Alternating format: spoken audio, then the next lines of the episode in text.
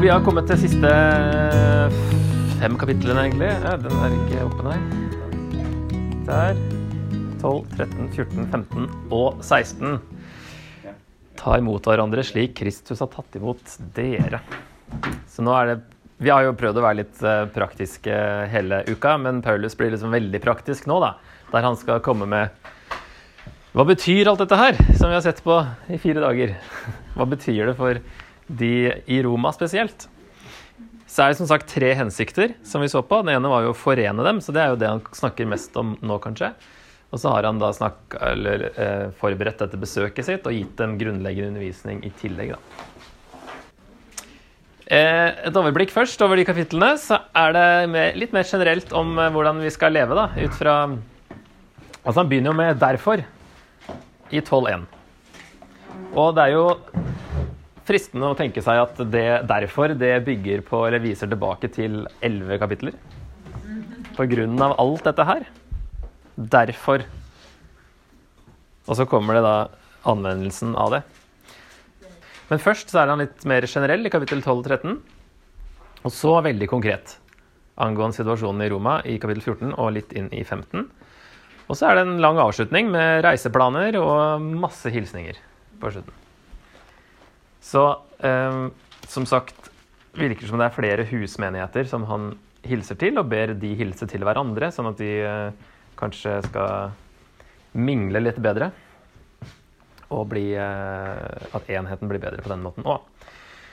Men først er det et par veldig kjente vers, egentlig. Vers 1 og 2 her. Derfor formaner jeg dere Altså egentlig kanskje Derfor formaner jeg dere. Ved Guds barmhjertighet, søsken, bær kroppen fram som et levende og hellig offer til glede for Gud. Det skal være deres åndelige gudstjeneste. Innrett dere ikke etter den nåværende verden, men la dere forvandle ved at sinnene fornyes, så dere kan dømme om hva som er Guds vilje. Det gode, det som er til glede for Gud, det fullkomne. Så hvis vi ser litt på de først, så eh, er det litt sånn som det bildet her. At vi ikke bare skal vokse inn i den eh, forventa rammen. Um, ikke skikke oss etter denne verden. Innrett dere ikke etter den nåværende verden, men la dere forvandle ved at sinnet fornyes. Kunne heller kanskje tatt at eh, den, det er den som er skeiv, og den som burde være rett. Det er den som er riktig i måten. Men sånn fra et verdslig perspektiv så kan det være sånn at vi ja, skal ikke bare passe inn i verden da, og tenke som verden. Det er ikke bare sånn bare fordi at vi skal bare vise at vi er annerledes. Men uh, men det er det her at vi lever i en verden, men vi tilhører egentlig et rike. ikke sant? Vi er satt over i det nye riket, og så må vi fornye sinnet. Lære å tenke som det nye riket som vi egentlig tilhører. Men hvis vi ser litt nærmere på de versene her, så eh, virker som det her er responsen vi bør ha da, til alle elleve kapitlene så langt. At eh, vi lever for Gud hele livet og med hele oss. Bær kroppen fram som et levende og hellig offer til glede for Gud. Altså for Gud. Um, et levende offer. Altså vi, vi, dør jo ikke. ikke sant? Vi ofrer oss hver dag. um, dag for dag så tar vi vårt uh, kors opp, osv. Um, hele oss og hele livet for Gud. Og så så vi i kapittel 1 at uh, synden førte til en sviktende dømmekraft, som det står i 1.28, og det er det greske ordet adokimos. Altså A er nektingen av dømmende. Så en udømmende eller sviktende dømmekraft det er nok en god oversettelse. Udugelig sinn, står det her. Um, og så sier Paulus her at å frelse Altså at frelse fører til et fornyet sinn som kan dømme om hva som er Guds vilje. Og da er det samme ordet, eller samme rot, som dere ser. Her er det jo et adjektiv, men her er det verben dokimadzo og adokimos som henger sammen.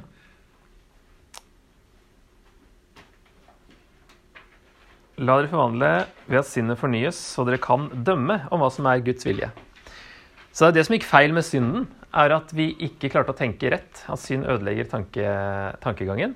Og så er det evangeliet som gjør at sinnet kan fornyes, og det blir mulig å kjenne Guds vilje igjen. Så evangeliet reverserer syndens nedadgående spiral i kapittel 1. Der, vi, der det blir vanskeligere og vanskeligere å kjenne Guds vilje fordi vi tenker eh, lenger og lenger unna Guds vilje. Men evangeliet, hvis vi fornyer oss, så kan vi igjen komme tilbake til å tenke rett. Så det er litt interessant. Helt fra kapittel 1 så er det nå kapittel 12 at vi liksom får en sånn eh, Selv om han selvfølgelig har snakka om at det rettes opp, men akkurat det derre tenkinga, da, var han innom i kapittel 6 òg, men her får vi i hvert fall eh, ord som eh, gjenspeiler det.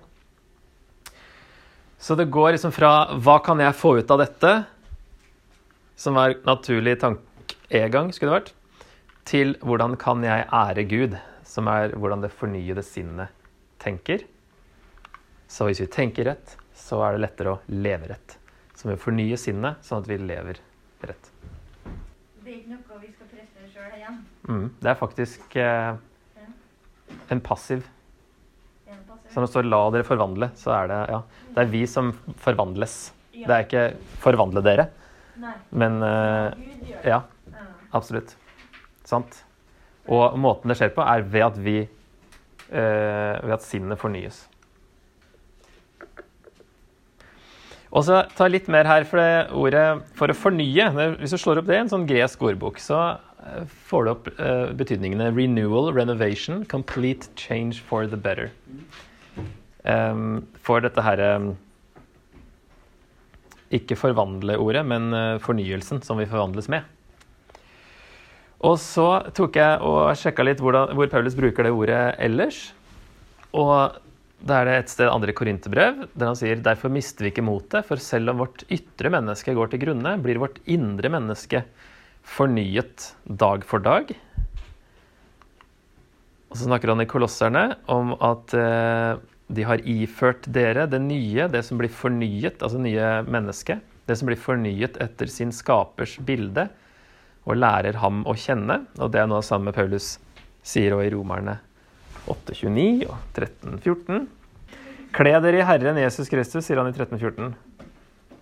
Og så i 8.29 så sa han at eh, dem som han på forhånd har vedkjent seg, har han også på forhånd bestemt til å bli formet etter sin sønns bilde. Så vi, blir, vi formes etter Gud. Det skjer dag for dag, eller etter Jesus her, da, i 8.29. Og så bruker han det også i Titus. Han frelste oss ved badet som gjenføder og fornyer ved Den hellige ånd. Titus 3.5. Så hvis vi skal summere opp det, så um, i en setning, da, så kan vi jo si at vi fornyes dag for dag etter vår skapers bilde ved ånden. Sant? At helliggjørelsen er ved ånden. Det har Paulus sagt tydelig. Ikke vi forvandler oss selv. Da blir helliggjørelsen et slit, som vi snakka om i forgårs. Men det skjer ved ånden hele tida. Eh, ser du kommer inn her òg, hos eh, Paulus i Titus. Og han gjør oss mer og mer lik sin sønns bilde, eller lik seg sjøl. Siden Jesus er jo et bilde på si, Viste oss hvem Gud er. Og det skjer dag for dag. Og poenget, sier Paulus her, er at så vi kan avgjøre hva som er Guds vilje. Fornyes så vi kan kjenne Guds vilje og kjenne Gud bedre. Det gode, det som er til glede for Gud, og det fullkomne. Sånn at det treet som eh, jeg håper å si, vokser utenfor verdens ramme, at det skal kjenne Guds vilje. I stedet for å bare henge med på det verden eh, gjør og sier. Så prøve å oppsummere det, så har jeg skrevet her at vi er satt over fra verden til Guds rike, som vi så i kapittel 6, og lærer dag for dag å tenke og leve på en ny måte i tråd med Guds karakter og Jesu forbilde. Så vi, driver, vi er under oppussing. Men Gud driver og pusser opp, mens vi må bare la han pusse opp. ok. Nådegaver går han over til i kapittel, nei, vers 3. Eh, og eh, kommer jo med en liste her. Det kommer straks opp et punkt. Konteksten er menigheten som én kropp, og det kan dere se at det er det egentlig alle steder Paulus ramser opp nådegaver. I 1. Korinter 12, 1. Korinter 14, Efeserne 4, og også når Peter gjør det i 1. Peter 4, så er det egentlig menigheten som én kropp, som vi snakker om. Enheten i menigheten, men at vi er forskjellige. Og Her eh, nevner Paulus profeti, tjeneste, lærer, trøste, gi, lede, barmhjertighet. Her er det veldig fokus på helt sånn ordinære, kall de jordnære eh, nådegaver. Profetisk gave er vel kanskje den som da i så fall ville ofte bli eh, kategorisert som en sånn overnaturlig gave. Mens det andre her er å tjene, lære, trøste, gi, lede og ha barmhjertighet. Det er nådegaver, det òg. Kanskje fokus på såkalt innendørs nådegaver, altså det som har med menigheten å gjøre, og ikke evangelisering å gjøre. Kanskje pga. situasjonen i Roma. At det var det de trengte å ha mer fokus på. Derfor er den lista her litt annerledes kanskje enn den i første Korinterbrev, der det var mye fokus på tungetale og profetisk gave og sånne ting. Og, så en av hensiktene har vi sett, er å forene menigheten med hverandre. Han minner dem om at de også har ulike nådegaver, selv om de er én kropp. Så det her henger jo sammen med at ja, dere er forskjellige, det, det vet jeg, det skal vi være. Fordi Gud har bruk for oss alle. Så det er kanskje en sånn ledd i veien mot kapittel 14, der han blir veldig konkret. Så er nådegaven nå et poeng. Så utover her så blir det mange sånne korte Utover i kapittel 13 og 14 og egentlig sånne korte bud som vi kan se tydelig han henter fra Jesus. Det har han vist før, tror jeg, den her. Men som et eksempel på at Paulus ikke finner på alt dette her, han eh, henter fra Jesus. Velsign dem som forfølger dere. Velsign dem som forbanner dere, sa Jesus. Gjengjeld ikke ondt med ondt. Vend det andre kinnet til, f.eks. Osv. Hold fred med alle, sier Paulus. Salige er de som skaper fred, sa Jesus. Hold fred med hverandre, sa han også. Ta ikke hevn, elsk fiender, overvinn det onde med det gode, sier Paulus. Elsk deres fiender, gjør godt mot dem som hater dere, sa Jesus. Betal skatt til den som skal ha skatt. Gi keiseren hva keiseren er. Du skal elske neste som deg selv, du skal elske neste som deg selv. Også tredje Mosebok. Fri til å holde sabbaten, sier Paulus her. Og Jesus sier at sabbaten ble til for mennesket. Ingenting er urent i seg selv. Mens i Markus 7 står det at ingenting utenfra kan gjøre det urent, altså mennesket. All mat er ren. Så tydelig her eh, Paulus, eh, hvor Paulus henter det fra. Mange sånne korte, generelle kristne bud nedover her. Altså Nå har jeg snakka om toll og myndigheter. på å si. Nå kommer det enda mer myndigheter i kapittel 13. Men, men det er eh, ja, det er Stortinget. Litt mørkt, bare. Men, men det er jo, det, er jo altså det å betale skatt og betale toll, og nå sier han her at, at man skal underordne seg myndighetene. Så det er jo en kristen ting å betale skatt og toll. ikke sant? Det er ikke, det er ikke bra å snike seg unna eh, å være en skattesnyter. Så uansett om man er uenig i politikken og syns at eh, skattepolitikken burde vært annerledes, så skal man likevel betale skatt. Så når Paulus i kapittel 13 kan vi lese i hvert fall Enhver skal være lydig mot de myndigheter han har over seg. Der står det vel egentlig, som det kanskje står i andre oversettelser, at han skal underordne seg. Det er litt forskjell på å underordne seg og være lydig. Det kommer i hvert fall uansett til et punkt der man skal lyde Gud mer enn mennesker. Men man skal generelt være lydig mot myndighetene, eh, men ikke en blind lydighet. Så å underordne seg er kanskje vet ikke, hakket bedre, selv om det er jo veldig likt. Eh, for det finnes ingen myndigheter som ikke er fra Gud, og de som finnes, er innsatt av Gud. Den, den, som, den, som, setter seg opp mot dem, står derfor imot det Gud har bestemt, og de som gjør det, skal få sin dom. For de som styrer, skal ikke skape frykt hos den som gjør det gode, men hos den som gjør det onde. Vil du slippe å frykte myndighetene, så gjør det gode, og du skal få ros. Styresmakten er en Guds tjener, til beste for deg. Men gjør du det onde, har du grunn til å være redd. For styresmakten bærer ikke sverd uten grunn, men er Guds tjener som skal fullbyrde hans straff over den som gjør det onde. Derfor er det nødvendig å være lydig, ikke bare av frykt for straffen, men også for samvittighetens skyld. Betal også skatt av samme grunn, for myndighetene er Guds tjenere og har ansvar for alt slikt. Gi alle det du skylder dem. Her kommer det, det verset, da. Betal skatt til den som skal ha skatt.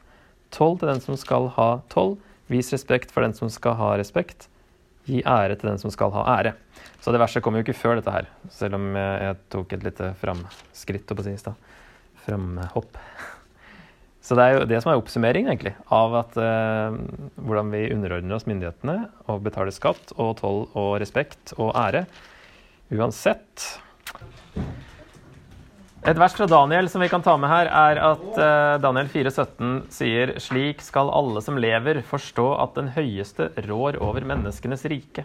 Han gir det til hvem han vil, og den laveste av alle mennesker kan han sette over det. Og at det er en tanke, da, at eh, Gud eh, Og det ser vi jo mye i Gammeltestamentet, at Gud holder på sånn og gir riker over til andre. Og det er han som egentlig bestemmer. Eh, men når han sier her at eh, For det finnes ingen myndigheter som ikke er fra Gud, og de som finnes, er innsatt av Gud. Så ut fra det her da, så skal man jo tro at eh, alt er akkurat sånn som Gud vil ha det.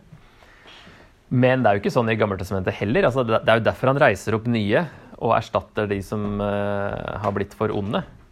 Og han, uh, han, bruker dem til å få sin plan til å skje, men så er jo de mennesker og syndige mennesker som han må etter hvert dømme og fjerne fra, fra makta. Um, men her virker det som Paulus snakker om et ideal da, når myndighetenes lover følger Guds lov. Da dømmer Gud menneskers synd gjennom myndighetene.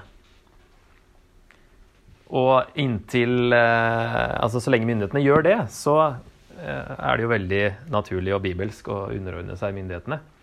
Han sier jo at de er Guds eh, tjener som skal fullbyrde hans straff over den som gjør det onde.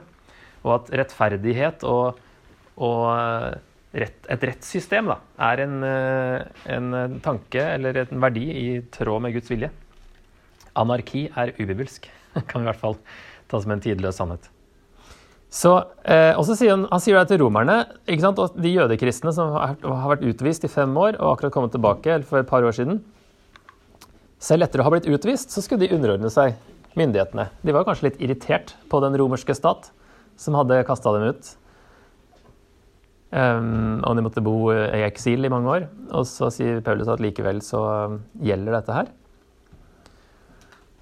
Og vi snakka litt om det i pausen, at uh, i koronaepidemien her, og med koronapolitikken fra myndighetene, så har jeg har tenkt en del på det her da, i det siste. At uh, det er en bibelsk verdi å underordne seg myndighetene.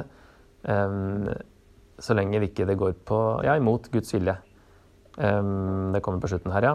Uh, ja, Apostelens gjerninger 5.29. En skal lyde Gud mer enn mennesker. Og akkurat det punktet har ikke jeg kommet i denne pandemien at eh, det går imot Guds vilje. Og da underordner jeg meg med myndighetene og følger de rådene. Og jeg føler at ja, dette er Guds vilje at jeg skal gjøre det. Ehm, I vers 6, dette med skatt, da, så en historiker som heter Tacitus, han nevner at det var noe motstand mot en indirekte skatt. Det kan jo være toll, da. Midt på 50-tallet. Eh, som førte til et skatteopprør i år 58, altså året etter Paulus skriver dette her.